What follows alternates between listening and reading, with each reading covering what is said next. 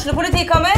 Ine Jansen er purk. Er du purk? The motherfucking bitch. Alt jeg vil, er å finne ut hva som skjedde med mannen min. Jon Carew. Er jeg sikta for noe? Iben Akeli. Det er du. Ole So, Lars Berrum og Big Daddy Karsten. Hvem sin side er du på, egentlig? Anette Hoff, Tone Danielsen, Kommer du fra Afrika? Jørnis Josef, Nesten. Kløfta. Trond Espen Seim, Det er synd å si det, men det var feil mann som døde. Purk. Premiere tirsdag på TV2 Play. Velkommen til en ny episode med Til topps Maiman. I denne podkasten er vi jo svært, svært opptatt av å diskutere og finne ut hva som skal til for at folk skal lykkes med sine mål og drømmer. Rett og, slå, rett og slett altså oppnå nye topper og høyder. Eh, og så er det sånn at eh, både jeg og mange andre som eh, er opptatt av temaet, sier ofte det at det handler veldig mye om å stå på, gjøre de rette tinga, eh, satse over tid. Og så ligger det veldig ofte i det at vi må gjøre nye ting. Eh, vi må kaste oss ut i det. Og vi, vi heier på at folk skal være modige og uredde. Men så vet jeg det, også, eh, også fra egen erfaring som gründer i mange år, at eh, det byr på mange bekymringer. Um, så er det den dansen mellom å ha kjempelyst til å gjøre det, men samtidig all den frykten og usikkerheten. Um, og i dag så er jeg så utrolig glad for at eh, du er med oss, Ingvar Wilhelmsen. Jeg har gleda meg skikkelig. Du kommer jo nemlig til Gjøvik, Gjøvik scene 21.2, og skal holde et uh, foredrag på 90 minutter. Eh, og jeg har snakket med noen på Gjøvik allerede som har bestilt billett og gleder seg. Så, og da tenkte jeg jeg skal gripe den muligheten. Så nå har jeg jo tatt turen til Bergen for å få mulighet til å møte deg. Og i dag så er jeg eh, veldig interessert også å forstå hvordan vi kan lære noe av all den erfaringa du sitter på og jobben du har gjort. Eh, eh, retta spesielt mot de menneskene som ikke kanskje nødvendigvis bare går rundt og kjenner på at eh, de er eh, syke fysisk eller mentalt, men har ambisjoner i livet og ofte kan la seg stoppe av frykt og bekymringer. Ingvar Wilhelmsen, du har drevet Hypokonderklinikken i Bergen i over 26 år. Du er professor på Universitetet i Bergen, skrevet flere bøker. Den jeg kjenner best til, er 'Sjef i, sjef i eget liv'. Um, og det hadde vært uh, så virkelig velkommen til studio. Fortell gjerne litt om din egen reise, før vi går inn på de uh, spørsmåla jeg har i tankene. Ok. Nei, jeg er altså en lege, da. Ja. Og oppvokst i Bergen. eh, Grei, fin oppvekst. Og studerte i Bergen. Ja. Og i studietiden likte jeg indremedisin, syntes det var et fint fag. Og jeg likte psykiatri. ja. Så jeg endte opp med å ta begge deler. OK. Jeg greide ikke helt å velge. Og så ble jeg lege. Spesialiserte meg først litt i jobbet litt i psykiatrien. Så tok jeg indremedisin ferdig. Mm. Så ble jeg spesialist i fordøyelsessykdommer. Ja. Og hadde tenkt å jobbe som kliniker. Og okay. Ha pasienter. Det likte jeg veldig godt. Men så endret det litt, fordi at i 1984 Mhm. da var det vært, jeg var helt frisk, oppegående, kvikk og grei, og gift og to barn. Og, men så ble jeg lam i løpet av åtte timer. Helt lam, midt oppå brystet og ned. Helt paralytisk. Sånn plutselig. Plutselig. Wow. Jeg hadde altså en virusinfeksjon. Mm. Men så var det antistoffen mot virus. Istedenfor å ta viruset, tok de et segment av ryggmargen. Wow. Og øh, ble helt lam. Transversmyelitt, ganske sjelden greie. Og dårlig prognose, sa de. Så jeg var i rullestol i seks-syv uker. Sykemeldt et halvt år. Og da fikk jeg spastiske bein. Det har jeg hatt siden 84. Over halve livet. Så jeg kan gå, men jeg kan ikke løpe og sånn. Og, og da ble det jo en endring i, i den forstand at jeg tenkte skal jeg, skal jeg gå vakta nå med så dårlige bein og alt dette her, og være kliniker? Tenkte, jeg nå får jeg prøve å komme meg inn i akademia. Ja. Så da bestemte jeg meg for å ta en doktorgrad. Mhm. Og så var jeg jo interessert i psykosomatikk, forholdet mellom kropp og sjel. Og den gangen var jo magesår trodde vi en psykosomatisk lidelse, sånn strekk, stressutløst. ja. Så da lærte, da lærte jeg meg kognitiv terapi. Og så hadde vi 100 pasienter med sår på tolvfingertarmen, som er en variant av magesår. Okay. Halvparten fikk kognitiv terapi, halvparten fikk bare gå i fred. Ja. Og så trodde vi kanskje de kunne få færre tilbakefall, for dette var folk som fikk tilbakefall hvert år. Ja. Så viste det seg at de som vi snakket med, de fikk raskere tilbakefall enn de som vi ikke snakket med. Det var ikke det vi prøvde å vise, egentlig. Okay. Men så, så viste det seg at alle hadde en bakterie i tarmen. Det var, det var en australsk lege som fant ut, Barry Marshall. Alright. Alle hadde helikobakter i magesekken. Mhm. Og så tok vi vekk den. Det var første gruppen her i landet vi tok vekk den med antibiotika, ti dagers kur. Ja. Og da ble de frisk. De ble helbredet. Så det var faktisk en infeksjonssykdom, magesår. ja. Og det var jo litt artig. Ja. Sånn at hvis du får vekk bakterien, da kan du få kognitiv terapi uten å få sår. Det er ikke sånn at du må få sår når du snakker med en psykiater. Så det tok jeg doktorgrad på. Ja. Og da var jeg inne i akademia og fikk stilling på universitetet. Og et par og 20 år så underviste jeg legestudenter i indremedisin. Ja. Men så var jeg jo psykiater, og så bare ta denne hypokonderklinikken. Ja. Så jeg ville ha en liten hypokonderklinikk. fant ville jeg det, ut. ja. ja. Ja. jeg ville ha noe, Ja. ikke bare sånn mage-tarm og undervise legestudentene. Så da laget jeg en liten hypokonderklinikk, for de fikk så dårlig behandling. De, de fikk vite hva de ikke hadde, men ikke hva de hadde, at dette var helseangst. Ja. Så da begynte det, og så har jeg nå drevet og undervist til jeg var 67, og da gikk jeg av. Det er nå i 73. ja. For da var det ny studioen i Bergen, da orket jeg ikke være med på det. Nei. Så da gikk jeg av og er pensjonist nå. ja. Men du sa òg at altså, du har fortsatt en liten stilling. Ja, jeg Ja. har en 20 stilling mye på kondene. Det må jeg nesten ha. Det må du nesten ha. Ja, Så lenge jeg preiker så mye om det Ja. og reiser rundt. Ok, så da Ja, det syns jeg. Ja, men Så bra. Du, du vet at eh, jeg er jo mm, eh, som gründer og en som har hatt lite valg, egentlig. altså, for, for, å, for å på en måte leve livet litt mer på mine premisser og ha muligheter og, og mer valgmuligheter, så har jeg forstått at jeg må stå på og satse for å lykkes. Og så har jeg lykkes med noen ting og litt mindre med andre ting. Men sånn i det store og hele så, så, så har jeg forstått at innsats over tid er viktig. Men så samtidig, det er Ingvar, at uh, det her er, En ting er å få den oppskrifta. Stå opp tidlig, jobb med de riktige menneskene, studer eh, osv. Det er viktig. Men så er ikke støtt deg slik, da, for at eh, det er jo alltid en risiko for å dumme seg ut, eh, feile, tape tid, tape penger. eh, rett og slett image, eh, som kan eh, hindre oss. Altså Når du forteller om din egen historie i 84, så vil jeg gjerne altså, om du kan si hvor gammel du var da. også om For når du forteller det, så kan det høres ut som at det var bare Og det var kanskje det for deg, at det var, eh, det var ikke noe å tenke på. Det var sånn Dette er det jeg skal gjøre. Men eh, for de fleste av oss, og kanskje deg da, så gikk du kanskje og kjente på at OK, dette her kan jo gå gærent. Altså det er en risiko. Og det er det vi sier. Skal du lykkes, må du være uredd, du må ta risiko. Um, hva slags perspektiver har du på nettopp det? Altså, jeg var 35 år da jeg ble lam. 35. ja. 35, så jeg var voksen mann. Og øh, så ble jeg innlagt da. Tok åtte timer fra jeg var helt frisk til jeg ble helt lam. Mm. Og var jo ikke noe opptur. Det var jo nedtur. Selvfølgelig. Men uh, jeg, har- jeg øh, hevder, og det, det mener jeg ganske sterkt, at folk takler ekte problemer bedre enn tenkte. Ekte problemer. Ja, bedre ekte problemer. Ja. Ekte regninger, ekte sykdommer, ekte konflikter. Det må vi ta. Kan ikke velge det vekk. Men det er nå tross alt begrenset av virkeligheten, tid og rom og sted. Du okay. kan begynne å mestre, du kan få hjelp, du kan få støtte, du kan få blomster, kan få hva som helst. Ja. Det som folk roter mye med, det er de tenkte problemene. Så det kan vi komme tilbake til. Okay. Men i og med at jeg var innlagt lam, jeg, jeg, jeg, forsto jeg kan ikke nekte. Jeg kunne ikke si 'dette går ikke med på, jeg går hjem'. Jeg kunne jo ikke gå. Nei. Sånn at jeg tror mennesker har en fantastisk omstillingsevne. Okay. Alle normale folk har det. Og pandemien eksempel, det var jo en kollektiv øvelse i å tåle usikkerhet og risiko, som Ja. er jo helt nødvendig. Ja. Og da, da hører vi etter på radio, og så omstiller vi oss Mhm. til den situasjonen som er. De fleste gjør det. Så jeg fant den ut jeg er lam. Jeg var glad for at jeg var på sykehus. Så hadde jeg en kamerat som kom til meg og snakket veldig mye med meg, så jeg fikk bearbeidet hele greien. Mm. Og når jeg ble utskrevet, da hadde jeg jo dårlige bein. Og det har jeg hatt resten av livet. Men da, da tenkte jeg jeg har et valg, for jeg ble tilbudt uføretrygd. Mm. Men det var ikke så interessert, jeg ville jobbe.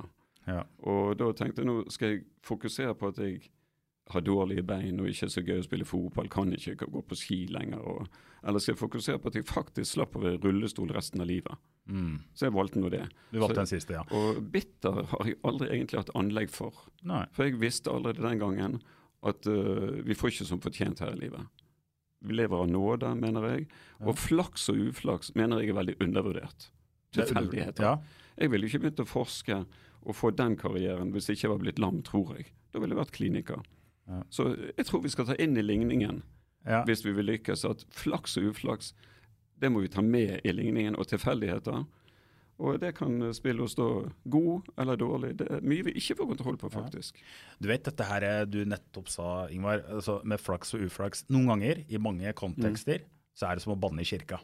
Ja. Fordi eh, hvis, eh, hvis det snakkes om det uten å kanskje ramme det riktig, så kan det for noen bare være Ja, her er en bekreftelse på at eh, de som lykkes, det er flaks. De som ikke lykkes, det er uflaks. Eh, og så at det kan være med å så eh, frarøve noen sin egen rolle, ref dette med å være sjef i eget liv.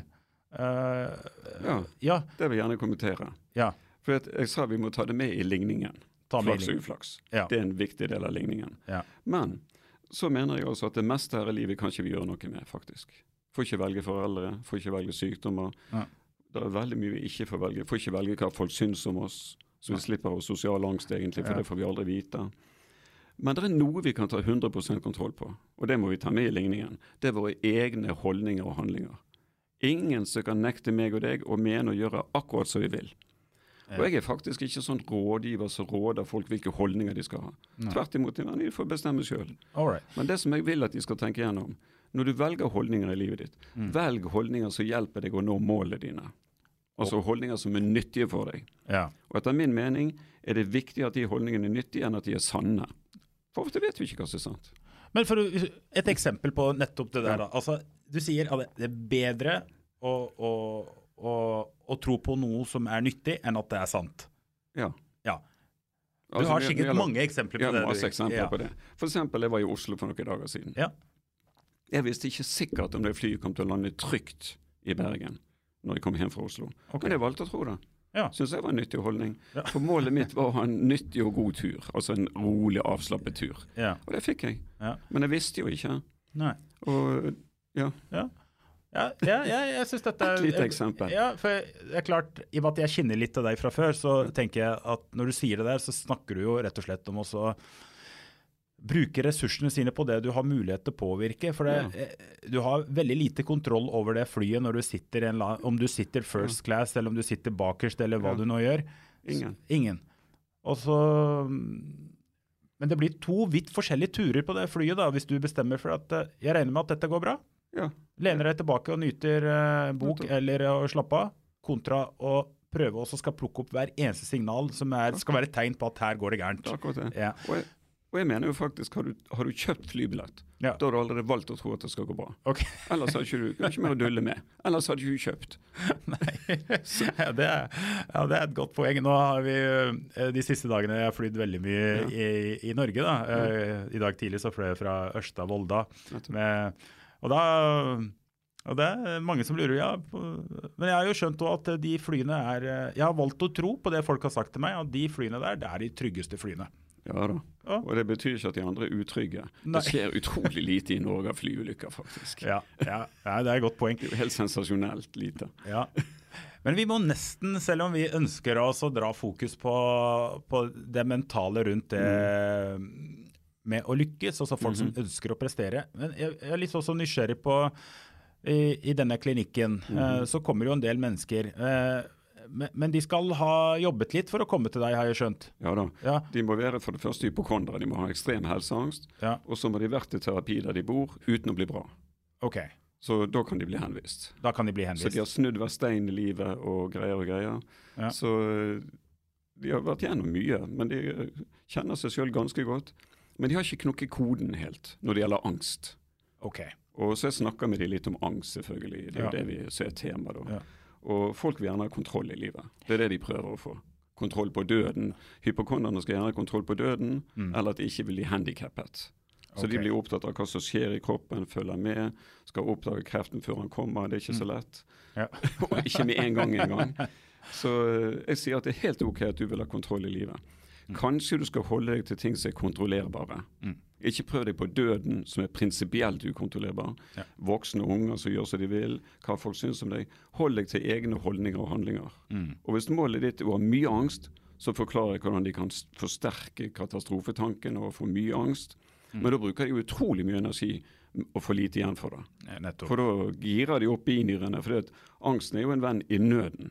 Ja. Så hver gang vi tolker noe som skummelt, farlig, truende, så kommer binyrene i full aktivitet med adrenalinpumpen og sånn. Men så er det det lille problemet Mm. at bienerne sjekker ikke om du har tolket rett. De slår til. De slår til, ja. Så her er det om å gjøre å reservere angsten for det som er nyttig og fører til nyttig handling. Ja. Ellers blir du en fiende sånn i hverdagen. Ok. Så det du snakker om, er folk som da går og bekymrer seg for Ja. ting Ja.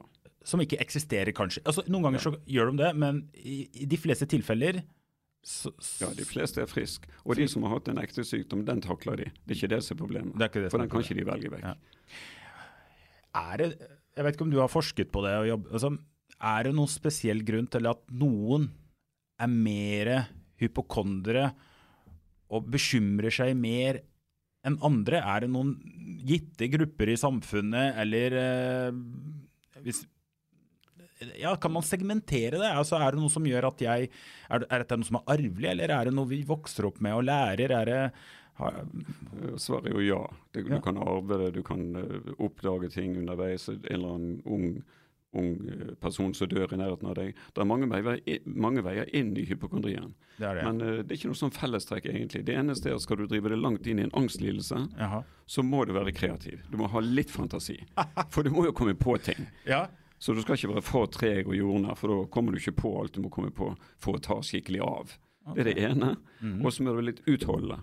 For skal du i, drive mye med, inn i en angstlidelse, ja. og da kommer du til å møte mye motstand.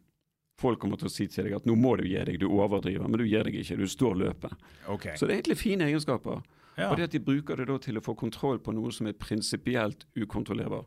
Hvilke sykdommer de skal få, fremtiden, hva folk, ikke hva folk syns om de, det er sosial angst. Mm. Men det er jo det som er så interessant, å få de til å tenke seg om. Det hele prosjektet mitt.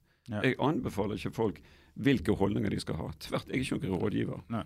Men gitt målet du har, hvis målet er mindre angst, de fleste vil ha mindre angst, Mm. da må du velge holdninger til usikkerhet, risiko, fremtid, liv, død, som hjelper deg å nå det målet. Ja, skjønner.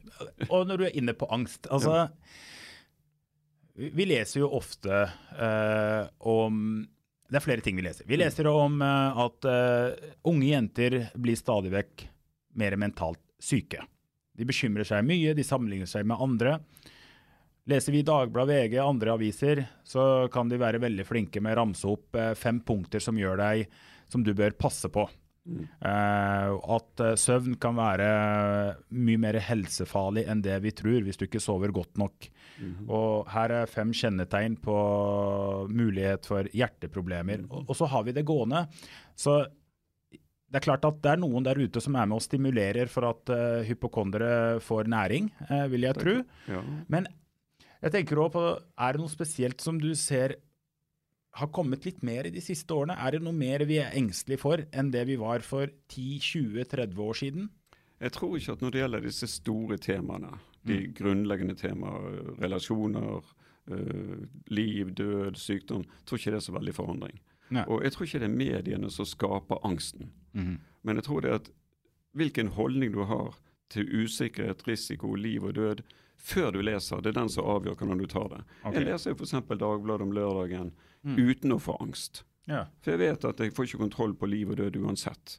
Mens de som er på hugget og skal absolutt ha kontroll på dette med sykdom og det, de blir jo liv, livredde når de leser om en på deres alder som fikk ALS f.eks. For eksempel. Forferdelig nevrologisk lidelse. For da tror de at det har noe med de å gjøre, men det har det jo ikke. Nei. Om de leste den eller ikke leste den, har jo ingenting å si. Sjansen for at de skal få det, går ikke opp. Det er det noen tror.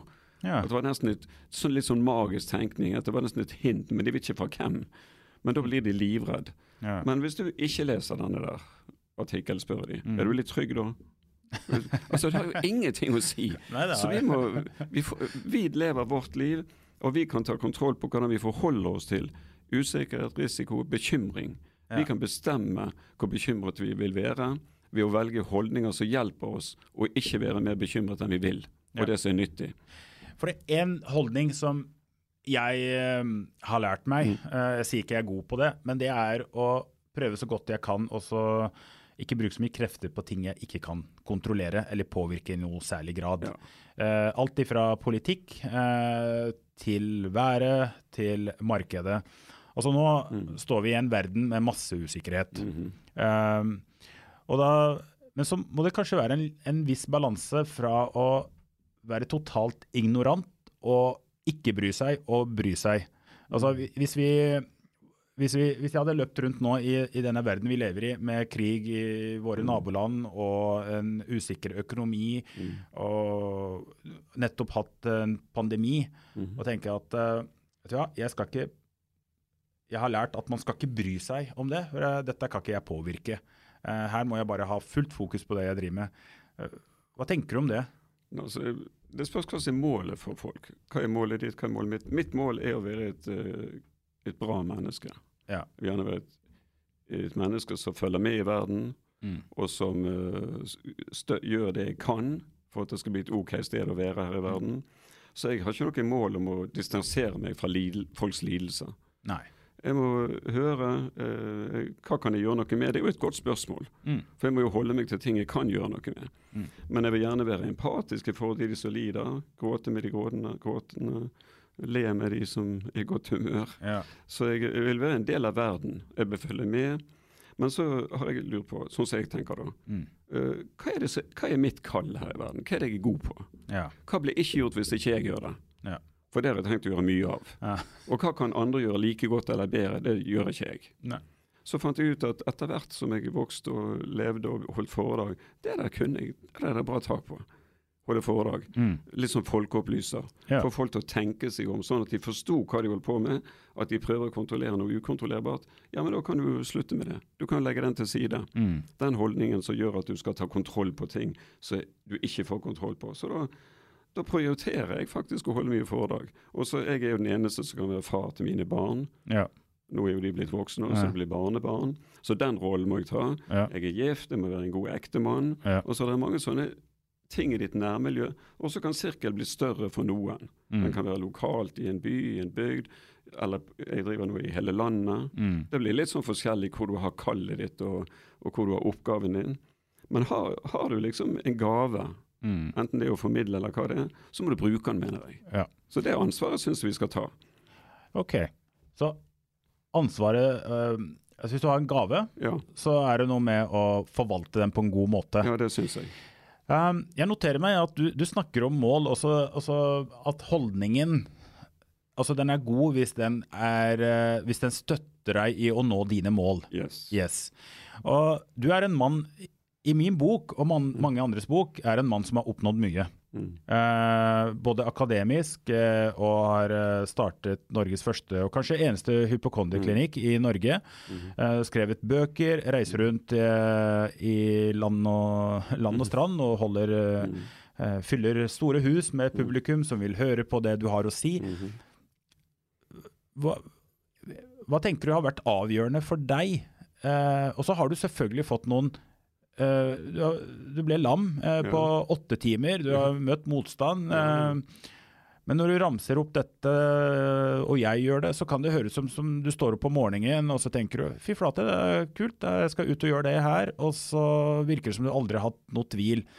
Men jeg er ikke bare opptatt av hvordan du har bearbeida tvil og frykt og usikkerhet, men samtidig også, hvis vi ser på den positive enden av det å skal få til ting, eh, hva tenker du er avgjørende hva har vært avgjørende for deg? Hvordan har din reise vært? Hva, hva har det lært deg i forhold til å oppnå mål? Jeg tror at det har hjulpet meg veldig at jeg har akseptert livets usikkerhet. Ja. Og ikke rett og slett brukt så mye krefter på å bekymre meg for ting jeg ikke kan gjøre noe med, Ja. osv. Så videre, sånn at jeg har kunnet fokusere på det jeg kunne gjøre noe med. Ja. Jeg kunne for eksempel, jeg, fikk, jeg, jeg hadde ikke tenkt å bli forfatter. Nei. Det var litt tilfeldig. Men uh, jeg var på Skavlan en gang. Så var det en forlegger som, som sa at det der er en bok. Mhm. Kan ikke du skrive en bok for oss? Ja. Det var Pax forlag. Ja, så gjorde jeg det.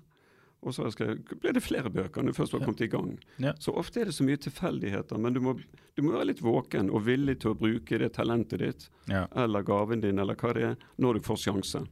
Men jeg har da fokusert på de tingene som jeg ville gjøre, som jeg syntes var gøy å gjøre, faktisk. Ja. Jeg syns det er gøy å holde foredrag. Ja. Og, så det er ikke det at vi alltid skal ha det gøy, det er ikke det jeg mener. Nei. Og jeg har jo dager der jeg ikke syns er så gøy, men jeg, folk, jeg er ofte i Kenya, min kone er fra Kenya. Ja. Og der er det jo sånn som i Amerika, de spør 'How are you?' Ja. Og sier 'I'm fine, ja. by choice'. By choice. Ja, Så, så jeg, har ikke, jeg har jo et ganske stabilt humør, det er Ja. noe greit. Så Men da må jeg nesten spørre deg, for at eh, på Toten og Gjøvik så er vi Mm. flinke når vi får det spørsmålet. Ja. Går det? Nei, det er ikke så verst. Ja, det er ikke så mye å klage på om dagen. Altså Ja. Det er vel en talemåte som viser at det er nå ikke verre enn til vanlig. Ja, ok. Sånn at, men, men det er jo sånn livet er, sånn at det er mye hverdager. Ikke sant. Ja. Men så, når du blir oppfordra, eller ikke oppfordra, men her lukter du en mulighet Oi, dette, er, dette kunne blitt en bok. Mm. Var det liksom bare sånn Ja, da skriver jeg en bok. Eh, men hva om den boka ikke Grunnen til at jeg spør, er at jeg møter mange mennesker. eh, som har en drøm om å skrive bok, eh, som har drøm om å gjøre en forretningskarriere, reise rundt i verden. Ulike ting. Men bok har kommet opp flere ganger. Da, Men så, så sier jeg til mennesker at eh, OK, eh, når skal du skrive den boka? Og så har ikke de en dato. Nei. Og jeg har lært at eh, forskjellen på en drøm og et mål er ofte en dato. Veldig simplified. Ja. Eh, jeg, tror hvis du setter en dato, så er det mye større sjanse for at du gjør det. Uh, kanskje litt før, litt etter, men sjansen øker betydelig. Men var du ikke litt redd for at, uh, at det er ingen som vil lese den boka, eller at eh, den vil få kritikk? Nylig har vi jo hatt en litt kjent dame som har skrevet bok, og av det jeg kan lese i mediene, så har hun blitt slaktet, eh, og på grensa til å bli mobbet. Og det er kanskje mange som tenker hun som er så kjent, hun som er så oppegående og flink, hun skriver en bok nå, den kommer ut, og så får jeg så mye pepperen. Altså altså de ulike store nettavisene må stenge kommentarfeltene. Ja. Var du aldri bekymra du da? For Ja, altså, hvis jeg kan godt hende jeg fikk sånne tanker, tenk om ingen leser den osv. Men eh, jeg forstår jo med en gang at det kan ikke jeg gjøre noe med. Jeg tenker sånn som de gjør i Bodø-Glimt. De kommer ikke til å ha som målsetting nå til neste år at de skal ta gull eller bli bedre enn Molde. De fokuserer på prestasjon. Mm. Hva kan vi gjøre bedre i år enn vi gjorde i fjor? Ja. Så de trener intenst og fokuserer bare på prestasjon. Ja. Så jeg tenkte hvis jeg nå har sagt ja til å skrive en bok, så får jeg gjøre det, da. Ja. Og jeg, jeg forsto jo det at skal du begynne å skrive en bok, så må du begynne å skrive. Og du bør ikke bruke den første siden i boken, i den endelige boken, men du, du må komme i gang. Og Det tror jeg er litt av det du sier med datoen. Ja. Har du bestemt deg for å skrive en bok, så anbefaler folk ikke tenk så veldig mye på om hvem som kommer til å selge den eller, nei, kjøpe den eller ikke, Mm. for det vet du ingenting om. Skriv en bok som er så godt som så god du kan, Mm. og så interessant som mulig, og så får den leve sitt eget liv. Ja. Og så får forleggeren reklamere og ditt og datt. Og, Ja. Sånn at jeg holder meg hele tiden til det som jeg kan gjøre noe med. Nettopp. Og det er jo det, er jo det alle må gjøre, egentlig. Ja. Og da eh, Da har du et tankesett som har fungert for deg, da? Det har fungert, ja. Og F.eks. ungdommer i dag som setter seg mål, de skal bli en ny Haaland Ja. og bli profesjonell fotballspiller. ja. Så jeg vil, Når jeg snakker med en sånn person, Ja. så nå må du tenke deg til hvor mange Haalander er det fra Norge? Hvor mange norske spillere blir virkelig slå gjennom som profesjonelle? Kanskje én i hver generasjon. Mm. Eller to, kanskje. Tre. Veldig få. Veldig få ifra til alle de som spiller fotball. Ja. Sånn jeg, jeg, støtt, jeg sier ikke til folk at du kan bli akkurat hva du vil, for det vet jeg at det kan de ikke. Nei. Det skal veldig mye til, mange tilfeldigheter, Ja. men hardt arbeid. Men selv med hardt arbeid, Ja. og selv med fokus, er det mange som ikke slår helt gjennom. Ja.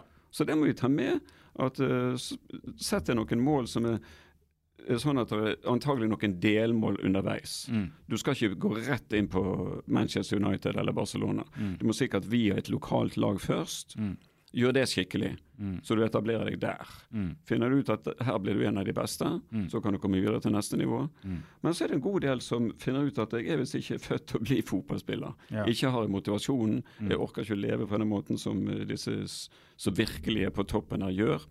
Så da finner du deg en annen vei, og da blir ikke det det som blir yrket ditt. Da blir det en hobby, osv. Så, hobby. Mm. Så jeg støtter ikke folk på alle slags urealistiske, ville drømmer. Mm. Gjør nå det du kan gjøre noe med skikkelig, og hvis det leder deg tilfeldigvis eller veldig målbevisst i en retning der du vil, kjempeflott. Ja. Lykke til. Ja. du, dette her harmonerer godt. Jeg hadde gleden av også å prate med eh, en, eh, en, en for så vidt en, eh, en, en bekjent eh, fra Gjøvik. Han er egentlig fra Toten.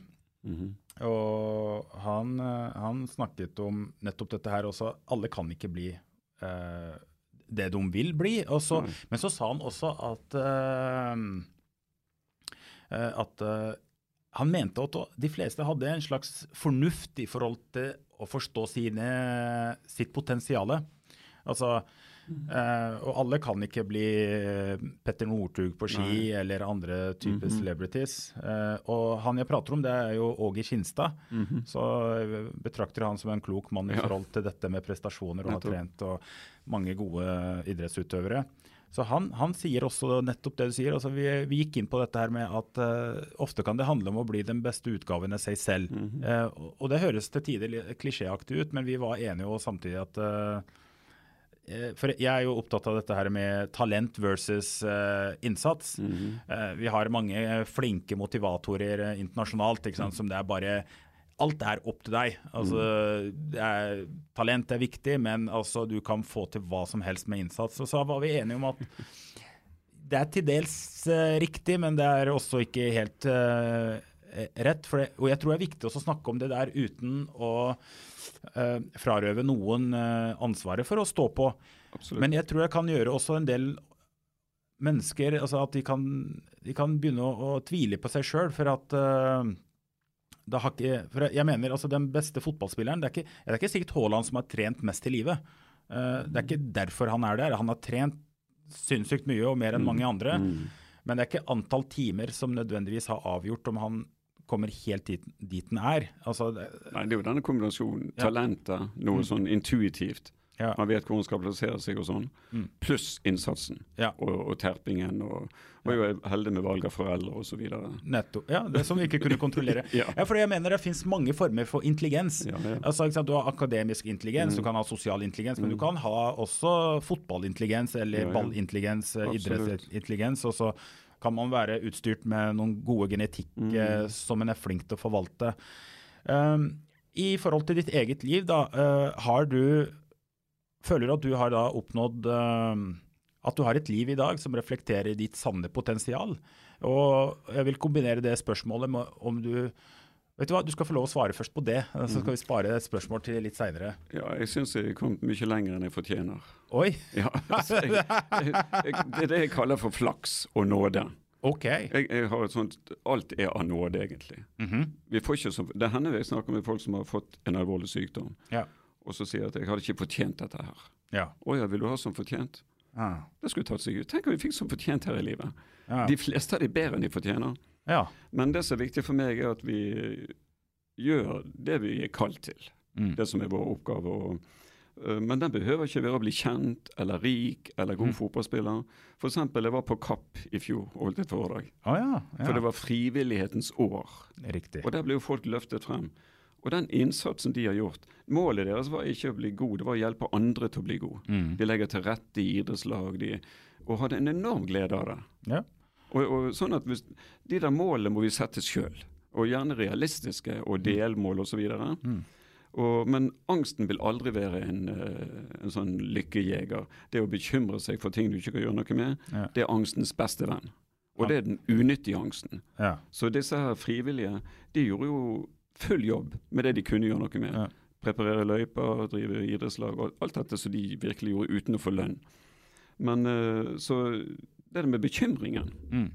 det mener jeg at alle kan ta tak i. Sånn Ja. at de holder seg til ting de kan gjøre noe med. Mm. Og f.eks. akseptere at fremtiden får jeg ikke kontroll på. Ja. Døden er helt ukontrollerbar, så jeg bruker livet til å leve, ikke til å ikke dø. Ja. Da mister du fokus fra kroppen, nemlig. For Hvis du skal kontrollere døden, så må du følge med hele tiden. Ja. Og Det er jo symptomskapende, for du lytter til kroppens signaler. Det må folk slutte med. Får du en ekte sykdom, så merker du det. Det er hovedregelen. Så kan du bruke livet til å leve, jobbe, trene. Ha gode sosiale relasjoner er det aller viktigste. Ja. Det viser seg, de som lever lenge. Langt foran trening og røyking kommer gode sosiale relasjoner. Så det syns jeg vi alle kan ha som mål. At vi er greie mennesker og medmennesker i familien og med venner, og litt raus. Litt raus. Og, Ja. Så jeg syns jeg kom mye lenger enn jeg hadde ventet og trodd, og hadde ikke tenkt å bli professor eller forfatter. Jeg ville bli lege, jeg. Du ville bli Og hjelpe de pasientene jeg hadde. Ja. Men så var det at jeg var heldig å bli lam da. Mm. Sånn at det Ja. vridde jo min karriere i en helt annen retning. Ja. Ja. Det er imponerende å høre at du ser på det sånn, og at du føler at du har fått mer enn du fortjener. Det er, men jeg er helt sikker på at du, du har jo selvfølgelig gjort den innsatsen som skapte de resultatene. For det mest- gjør jo det gjør, gjør mange. Det gjør mange, Ja. ikke sant. Men eh, jeg, jeg liker det perspektivet at eh, en skal ta med flaks og uflaks inn i ligningen. Ja, inn i ligningen. Yes, inn i ligningen. For at uh, vi må bare erkjenne at uh, noen har dessverre gjort alt riktig, men ikke fått eh, full uttelling. Ja. Og så vil vi alltid møte på dem som kanskje ja, har uh, ikke gjort så veldig mye riktig, men de har uh, bare hatt så sinnssykt flaks. Men det er igjen da, det er ytterpunktene, vil jeg tro. Men for majoriteten så er det ofte en korrelasjon mellom innsats over tid og resultater. Og så tenker jeg på dette her med at det du sa altså med frivilligheten, altså grunnen til at jeg fløy i dag tidlig, det var for at vi hadde et uh, arrangement som heter Give a Job i Ørsta Volda, altså Søre Sunnmøre. Eh, der hadde vi over 300 mennesker. Det var et frivillig dugnadsbasert arrangement med Kjempe. næringslivet, idretten. Nettopp bare for å skape en arena hvor folk kan få sosiale koblinger og etter hvert en jobb. Og Det kjenner jeg på som en viktig viktig element i det jeg driver med, eh, i tillegg til å drive med tradisjonell næringsliv. At, eh, å, å være med på de tinga der. Så jeg vil oppfordre mennesker til å gjøre det. For det tror jeg kan Jeg vet ikke hva dine erfaringer er, men for meg så hjelper det noe med å få vekk tankene fra uh, ja, alt som jeg kan stresse over eller bekymre meg over. For eh, det jeg tar meg sjøl i, er at jeg bruker mye tid på å tenke den samme tanken mange ganger i løpet av dagen. Ja. Ja. Og, og de tankene som er nyttige for deg, det er Ja. de som hjelper deg å stå løpet. ja. De som er unyttige, det er ofte tenk om tankene. Mm. Altså der svaret ligger i fremtiden. Ja. Så det er det jeg hjelper folk til å bli bevisst på de der tenk om-tankene.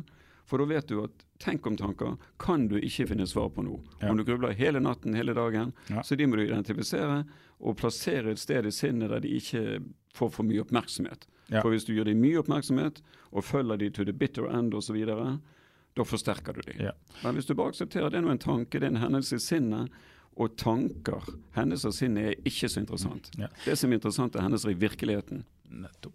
Men, og, og det du sier er veldig interessant. Altså, jeg skal ærlig innrømme at vi er i en tid nå øh, med, Jeg er inne i eiendomsbransjen, og jeg, øh, jeg er jo usikker på hvordan ting vil være om seks måneder. Ja. Så når du sier at det er noe med å øh, plassere de tankene som skaper bekymring, og som ikke er noe spesielt givende Uh, Og de kommer oftest kanskje litt sånn på kvelden og på natta og ødelegger nattsøvn og det som er.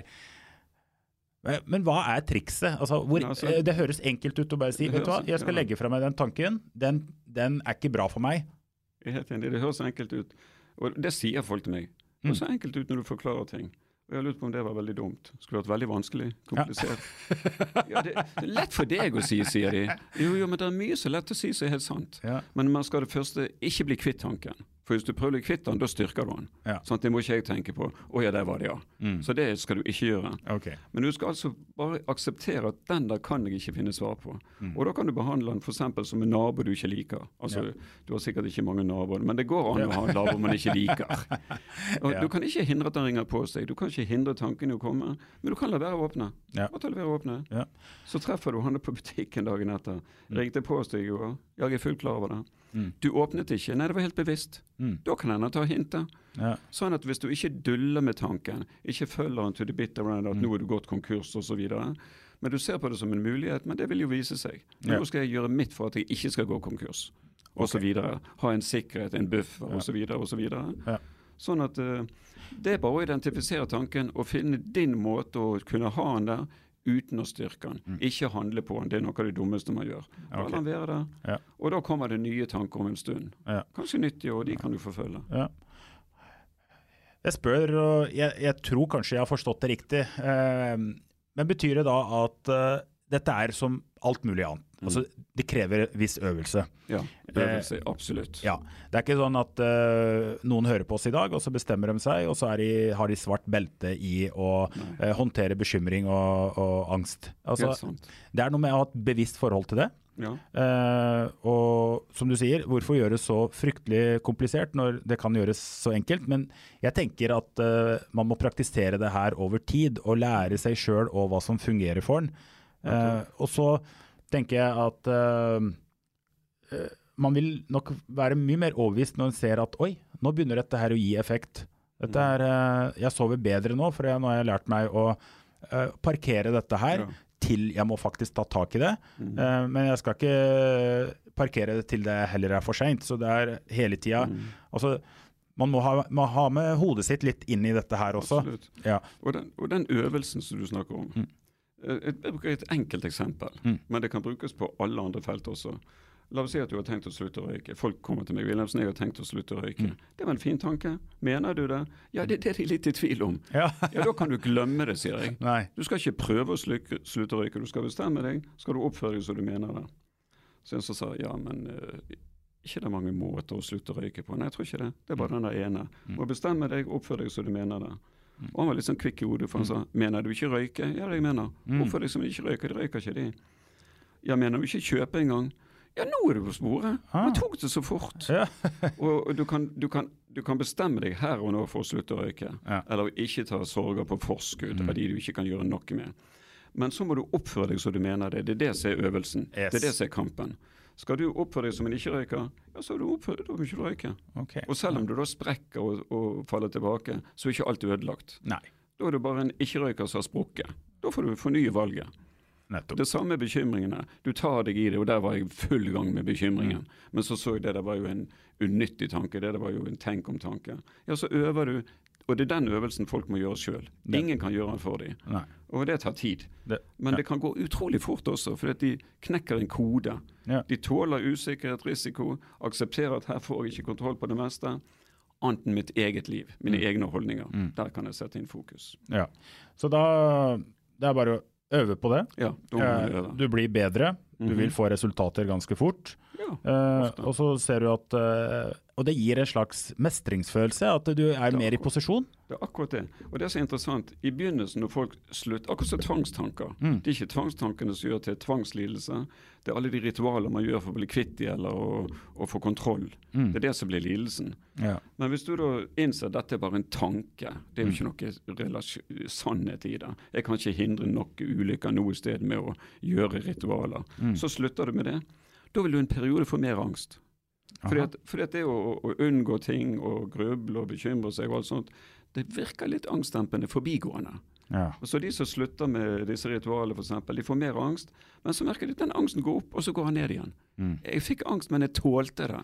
Ja. For Ellers tror folk at de kommer til å klikke eller miste kontroll, og alt dette men det gjør vi ikke. Nei. Det er jo en venn i nød nå. Klikker ikke av angst. Til og med folk med panikkanfall ligger ikke og spreller rundt omkring. Nei. De har full kontroll. Ja. De handler logisk. De som tror de dør, raskest mulig til nærmeste akuttmottak. Ja. De som får på et kjøpesenter, legger ikke begynne å sprelle. De går ut. Tror Ja. det er mer surstoff ute. Ja. Så det er helt sant. Den gamle angsten, altså den, den som kommer av bekymringen, Ja. den binder oss. Mm. Men den som kommer av at vi eksponerer oss, tør å gjøre ting som vi tidligere ikke har tålt, den er nyttig, for da, dette tålte jeg. Ja. Jeg fikk angst, og da etter hvert vil angsten dempe seg. Er du Men det hender du bekymrer deg fortsatt, du som Ja, eh, jeg bekymrer meg litt. F.eks. For eksempel, eh, jeg har dårlige bein, sant. Jeg Ja. er 73 år. ja. Så får jeg av og til en tanke. Tenk om jeg ender i rullestol. Ja, Nå har vi jo flyttet i leilighet, sånn at den er veldig sånn handikapvennlig. ja. Det kunne vi gjøre noe med. At jeg ikke plutselig er lam, og så er det et stort hus og hage og sånn. Ja. Så, men nå er jeg jo 73, så er det jo naturlig. ja. Og så trener jeg to-tre ganger i uken. Og Det kan jeg gjøre noe med. Ja. Men også får jeg håpe at jeg ikke kommer i rullestol før jeg dør. Ja. Men jeg vet jo ikke. Nei. Men det er en tanke som ikke duller mye med. Ja. Et, og jeg foreløpig er en oppegående, går med stokk og, Ja. og Hva vil du si er forskjellen på uh, bekymring knytta til helse, og at den kjenner at oi, jeg har en kul, eh, jeg har noe utslett, dette må være tegn på et eller annet, eh, kontra de bekymringene for å dumme seg ut eller mislykkes i noe eh, en skal eh, i gang med. Det som er felles for alle angster, er at Mm. man prøver å få kontroll på noe som er prinsipielt ukontrollerbart. Ja. Velger du døden og sykdom og helse, så får du helseangst og hypokondri. Mm. Velger du å være opptatt av hva folk syns om deg, så får du sosial angst. Mm. Ingen av de tingene får du vite noe om. Du får ikke vite hva folk syns om deg. Om du dybdeintervjuer dem, Ja. så, så får, kan de lure deg begge veier. Ja. Så med en gang du identifiserer at du flyet får ikke kontroll på, Mm. en ektefelle, altså sjalusi f.eks., er en slags spesialisert angstlidelse. Ja. Vi får jo ikke kontroll på ektefelle. Vi må velge å stole på vedkommende. Ja. Så lenge vi har en frittgående ektefelle, så, så kan ikke du gjøre noe. Frittgående, ja. Ja, Hvis hun er frittgående, så må du velge å stole på hun eller han. Ja, ja. Så, som en gang, altså Det temaet som er forskjellig. Prinsippet er helt likt. Prinsippet er helt likt. Helt likt, og Derfor blir behandlingen veldig sånn generell, Mm. men spisset inn mot Og det er jo noen generalister. De, de tar jo alt som kan gå galt. Ja. Og det er jo utrolig enerverende. Ja. det, men de fleste har jo ikke tid til det, så de spesialiserer seg litt. Riktig. Vi nærmer oss slutten her, vi, Wilhelmsen. Og jeg eh, lurer på to ting. Mm -hmm. det ene er, sitter du inne med noe du har lyst til å dele med oss? Tenkte oi, jeg håper Ayman eh, stiller meg dette spørsmålet, eller åpner muligheten for å snakke om nettopp dette temaet. Ikke sånn eh, spesielt at jeg savner noe. eh, Nei. Hele poenget mitt er at folk må tenke seg om. Bruker du kreftene til ting som gir litt avkastning, eller bruker mye krefter på ting som du merker bare aktiverer binyrene, gir deg dårlig søvn, så får du heller ta et oppgjør med det. Nettopp. Og mm, for alle disse Alle våre venner som eh, er kjempesultne, jager etter mer suksess og måloppnåelse, er litt eh, strenge mot seg sjøl og eh, er alltid på jakt etter å lykkes, men som fra tid til annen lar seg stoppe av bekymringer, lar seg stoppe av at de føler at de ikke er gode nok. Eh, kunne vært fint også å avslutte med noen gode råd eh, til folk som vil nå mm, flere topper i sitt eget liv. Ja, Nå snakker du om selvbildet, synet på seg sjøl. Ja. Og det er faktisk det vi kan bestemme sjøl. Ja. Hva andre tenker og mener, det får vi ingen kontroll på. Men vi kan bestemme om vi skal være gode nok til å være oss sjøl. Vi skal jo bare være oss sjøl. Mm. Alle de andre er jo opptatt. Så, de som, så de som lar seg stoppe av om de er gode nok du, Er du ikke god nok, hva betyr det å være god nok i ditt liv? Er ikke du deg sjøl? Du har jo samme personnummer som du alltid har hatt. og så det å slutte fred med at jeg er den jeg er Jeg har mine styrker, jeg har mine svakheter. Nå får jeg heller forsterke styrkene mine, demme opp for svakhetene. Så vil de fleste kunne komme frem til at de er noenlunde fornøyd med den de faktisk er. Jeg sier ikke at det ikke er forbedringspotensialer, det har vi alle på visse områder, som ektemann, som idretts, du må bare trene osv. Men det der å tro at man ikke er god nok til å være seg, det er derfor det er så viktig å vite hva er det jeg har lyst til, hva er mitt mål, hva er min gave. Og da er vi gode nok til å være oss sjøl, alle sammen. Kjempegodt å høre. og Fin måte å avslutte denne hyggelige samtalen på. Jeg eh, vil bare da understreke eh, at eh, man må ha med seg hodet. Bruk kreftene på det du kan kontrollere. Minst mulig på det du ikke har kontroll over. Finn dine styrker, eh, føler jeg du sitter og sier. Og så eh, kan du ikke bli akkurat hva som helst, men du kan bli en veldig god utgave av deg sjøl. Og spesielt hvis du gjør en innsats med å finne ut hva vil du, og hva slags gave har du fått, og bruk den gaven på best mulig måte, eh, så vil det alltid lønne seg i lengden. Men det er alltid litt uflaks og flaks i denne ligningen. Men eh, det får vi heller ikke kontrollert. Men innsatsen vår, holdningen, omstilling eh, og innstilling, der eh, ligger veldig mye av svaret på hvor godt det kan gå med oss i fremtida når vi bestemmer oss. Tusen takk, Ingvar Wilhelmsen. Og folkens der ute, lykke til med egen reise og nå de neste toppene. Vi høres.